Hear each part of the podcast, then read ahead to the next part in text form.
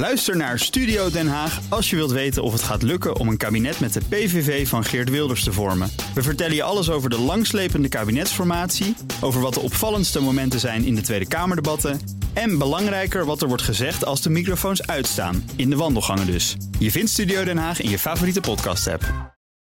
Hammelburg en Haan. Israël heeft sinds half november een systeem van vijf waterpompen klaarstaan. waarmee ze zeewater de tunnels van Hamas in de Gazastrook onder water zouden kunnen zetten. Tenminste, dat belt de Wall Street Journal en doet het op gezag van bronnen in de Amerikaanse overheid. Gaan we bespreken met eh, onder meer uh, buitenlandcommentator Bernard Hammelburg en Europa-verslaggever Geert-Jan Haan. Bernard, eventjes naar jou. Uh, allereerst, Israël zou dus zo'n systeem hebben. Kan dat kloppen? Ja, dat kan best kloppen, want er is al eerder over gesproken. Dat plan is al ouder. en er waren aan het begin van de oorlog al een heleboel uh, ja, militaire deskundigen die zeiden: jongens, er is een hele eenvoudige oplossing, zal ik maar zeggen. Ja. Alleen hij is niet zo eenvoudig, want dat tunnelcomplex is onvoorstelbaar ingewikkeld. Mm -hmm. Dus je hebt enorme zeg, waterdruk nodig om um, de vijf of zes of zevenhonderd tunnels die ze inmiddels hebben ontdekt ook echt allemaal te bereiken. Maar het grootste probleem is, je weet niet wat erin zit. He, er kunnen Hamas-strijders in zitten, eh, maar er, er, er, kunnen ook gewone burgers in zitten die schuilen. En er kunnen gijzelaars in zitten. Ja. Dus je neemt een enorm risico. En dus uh, is, is, dat schrijft de Wall Street Journal trouwens ook hoor, ze hebben ze wel en ze staan klaar, maar voorlopig zetten ze ze niet aan. Nee, precies, want het heeft te veel risico's. Nou zegt, zeggen de Amerikanen ook bij monden van Matthew Miller, woordvoerder van het Amerikaanse ministerie van Buitenlandse Zaken, dat ze zien dat het Israëlische leger enige verbetering laat zien bij het beperken van de doelwitten in het Gaza-offensief. We've seen a much more targeted request for evacuations here, where they, the Israeli Defense forces have identified specific neighborhoods where they plan to conduct military operations and urged in advance of those operations the people in those neighborhoods to move rather than telling an entire city or an entire region to, to vacate uh, their homes. So that is an improvement uh, on what's happened before. They have instructed them to move to areas that we know are deconfliction zones. It's one of the things we discussed with them last week. So uh, UN supported facilities where people can be out of, of harm's way. So that is an improvement. Yeah, dat klinkt goed. Het gaat allemaal over dat kaartje. We zagen het gisteren al even van het uh, IDF. Ja. Uh, waarbij uh, delen van Gaza worden ingedeeld in de ja, eigenlijk postcodewijken. Hè? En dan wordt er gewoon gezegd: nummertje 452. verhuis even naar links. Eén kwadrantje. En dan kunnen we daar bombarderen. Zo, ja. zo, gaat dat? Ja, zo gaat dat. Um, er zijn natuurlijk enorme problemen, want al die uh, postcodes uh, waar ze naartoe worden verwezen, die zijn zo bom en overvol en, uh, en hebben geen, uh, niet voldoende voedsel, water, ga zo maar door. Dus het is wel een menselijk drama. Ja. En je kunt zeggen dat het grootste deel van de bevolking van Gaza ontheemd is. Hè. Maar de, de, de Amerikanen hebben gezegd, er zijn een, twee dingen. in de eerste plaats, het is duidelijk aan ons dat dit, dat, dat de oorlog is hervat omdat um, Hamas weigerde uh, in dat ruilsysteem van gijzelaars tegen uh, uh, gevangenen. Um, om de, de, de, vrouwen die er nog zijn, om die uit te wisselen. Mm -hmm. um, en daar is enorm over gesteggeld. En de, de Hamas heeft op dat moment gezegd: dat doen we alleen bij een totale wapenstilstand. En toen ging het mis. Maar, zeiden de Amerikanen, we zijn er helemaal niet bij betrokken geweest. We zijn op de hoogte gebracht. En we hebben geëist nou, uh, niet alleen namens onszelf, maar ik zal maar zeggen namens uh, ieder land dat, dat hierin meeleeft. Dat als die oorlog wordt hervat, dat ze dat beter moeten doen. Minder uh, vreed, zal ik maar zeggen, dan in Gaza-stad. Ja. Dus ze moeten veel beter hun doelen uitzoeken en veel meer moeite doen om mensen te waarschuwen dat er een aanval komt ergens, zodat gewone burgers niet worden geraakt. En dat zeggen de Amerikanen, daar doen de Israëliërs beter hun best voor. Ja. We gaan even naar Oekraïne, Geert-Jan. Want uh, de Britten hebben een nieuw pakket wapens geleverd. Even los van wat er in het pakket zit. Maar we merken ook dat de steun internationaal voor Oekraïne echt aan het afbrokkelen is. Hè? Nou, de Britten hebben daar ook last van om genoeg militaire steun aan Oekraïne te, te blijven leveren. Hm. Uh, dus dat is inderdaad een gegeven dat uh, met name het, het leveren van spullen steeds lastiger wordt. je ziet ook nog blokkades nu binnen Europa aan de grens met Oekraïne. in ieder geval met Polen, maar er zijn ook berichten over blokkades of, of treiter, treiteracties vanuit Slowakije en, en Hongarije. Dat zorgt ervoor dat er weer ook een probleem is, zelfs op het niveau van tourniquetten bijvoorbeeld. medische spullen die ze nodig hebben aan het front.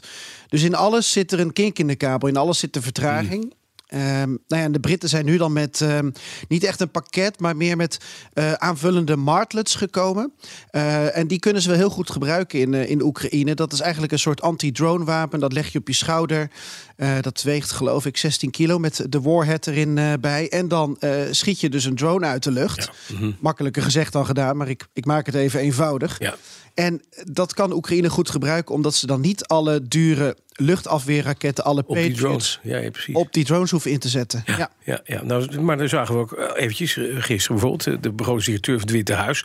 Die zegt de bodem van het steunfonds voor Oekraïne is bereikt. Uh, we weten ook dat in het congres, daar leeft ook al een beetje het van, met name vanuit de Republikeinse hoek. Van jongens, er moet geen geld meer naar Oekraïne.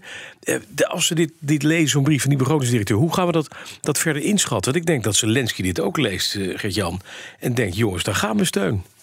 Oh, en dan gaat oorlog. uh, ja, en dan gaat misschien wel mijn positie. Want er zijn ook nog eens heel veel strubbelingen uh, politiek binnen Oekraïne zelf. De druk op hem neemt enorm toe, omdat andere politici ook hun, hun kans schoon zien om aan zijn stoelpoot te zagen. Dus die Oekraïnse eenheid wordt aan alle kanten op het spel, op het spel gezet. Mm dus ik denk het grootste succes voor Zelensky om te blijven zitten waar hij zit, is om uh, ja, met dank aan, uh, aan Uncle Joe een, een, een groot steunpakket van Amerika los te krijgen. Dat doet ook wat met het moraal natuurlijk in Oekraïne. Want dan hebben ze het gevoel van: oh ja, we mogen, we mogen weer even ons verdedigen tegen de Russen. Ik denk dat je dat gevoel niet moet onderschatten. Nee, nee Bernard, gaat het gebeuren inderdaad dat Joe Biden zijn daar, veto gaat nou juist de, Daar zit nou juist de kink in de kamer. Ja, ja, precies. Ja, want um, uh, wat er dus is gebeurd is bij dat gesteggel over het, het verlengen van de begroting, het vermijden van een shutdown, um, is het hulppakket voor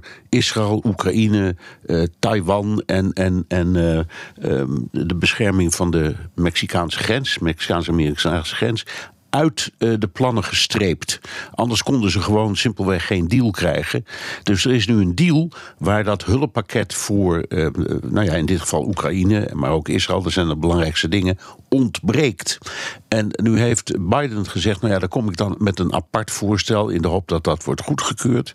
Um, de, de voorzitter van het uh, Huis van Afgevaardigden, Mike Johnson, zegt: Ja, maar dat gaat zomaar niet. De, daar zullen we veel meer op moeten op, op, op, toezien. Gewoon wat dan heet line items. We moeten echt post voor post voor post weten wat er dan precies gebeurt en waar het heen gaat. Maar, veel belangrijker, onze uh, prioriteit is echt die grens met Mexico. Dus dat moet er allemaal in staan. Ja. En anders kun je, en het gaat om een voorstel van 106 miljard dollar. Uh, anders kun je het vergeten. En uh, nou ja, die, die onderhandelingen die, uh, die dreigen vast te lopen. En nu heeft dus het Witte Huis zelf gezegd... Uh, de bodem is bereikt, we hebben geen geld meer. En dat bedoelen ze mee het geld dat in de vorige ronde was gereserveerd voor deze doelen. Dat is op.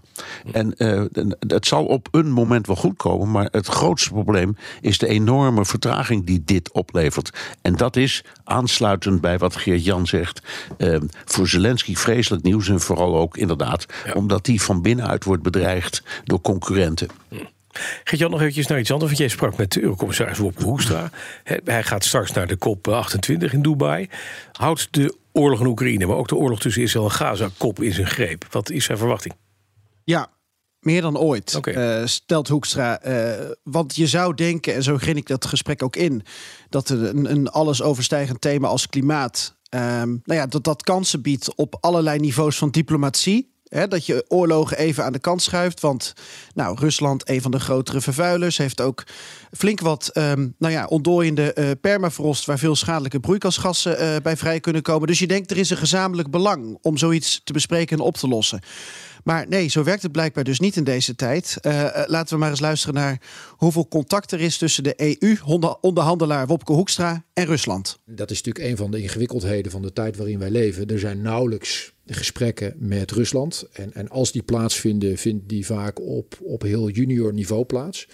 En je kan helaas ook niet anders dan concluderen dat Rusland op vrijwel elk terrein, uiteraard de geopolitiek, maar ook wat er breder in de VN speelt, gewoon vooral de rol van spoiler pakken. Uh, internationale instituties uh, beschadigen. Ik heb ze niet kunnen betrappen op, uh, op veel ambitie als het gaat over internationale samenwerking in algemene zin. En ook niet op het gebied van klimaat. Poeh. Nou, eh, Bernard, verbaas je dit?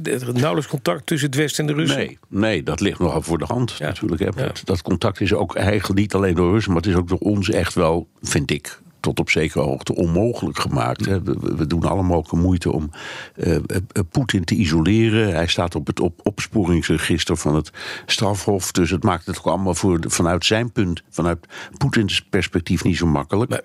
Um, dus hij heeft gelijk. Het feit dat hij zegt op junior niveau betekent dat zij nog wel uh, diplomaten die met elkaar praten. Dat is maar goed ook. Ja. Uh, zodat inderdaad uh, ja, bij bepaalde zeer grote gevaren er op tijd signalen komen om daar iets aan te doen. Mm -hmm. Maar het is de tragedie die hoort bij dit verhaal. Ja. En je moet ook iets voor uitkijken. Ooit is die oorlog voorbij. En wat doen we dan met Rusland? Hè? Die vraag hoor je ook steeds vaker. Ja. En dan nog wat, dat vind ik wel hoor. Het nadeel van dat kop is natuurlijk, je zit dan met de hele VN. Alle 193 leden die doen mee. Dan wordt het sowieso al heel lastig om in zo'n situatie als deze ja, iets sneller door te breken tot de hoofdrolspelers. Er zijn zo verschrikkelijk veel mitsen en maren. En zoveel compromissen die je daarbij moet zoeken. Dat, dat is en blijft in een VN-opzet een probleem. Bij BNR ben je altijd als eerste op de hoogte van het laatste nieuws. Luister dagelijks live via internet. Bas van Werven. En heel langzaam komt de zon op rond dit tijdstip. Je krijgt inzicht in de dag die komt op BNR, het Binnenhof in Nederland en de rest van de wereld. De Ochtendspits. Voor de beste start van je werkdag. Blijf scherp en mis niets.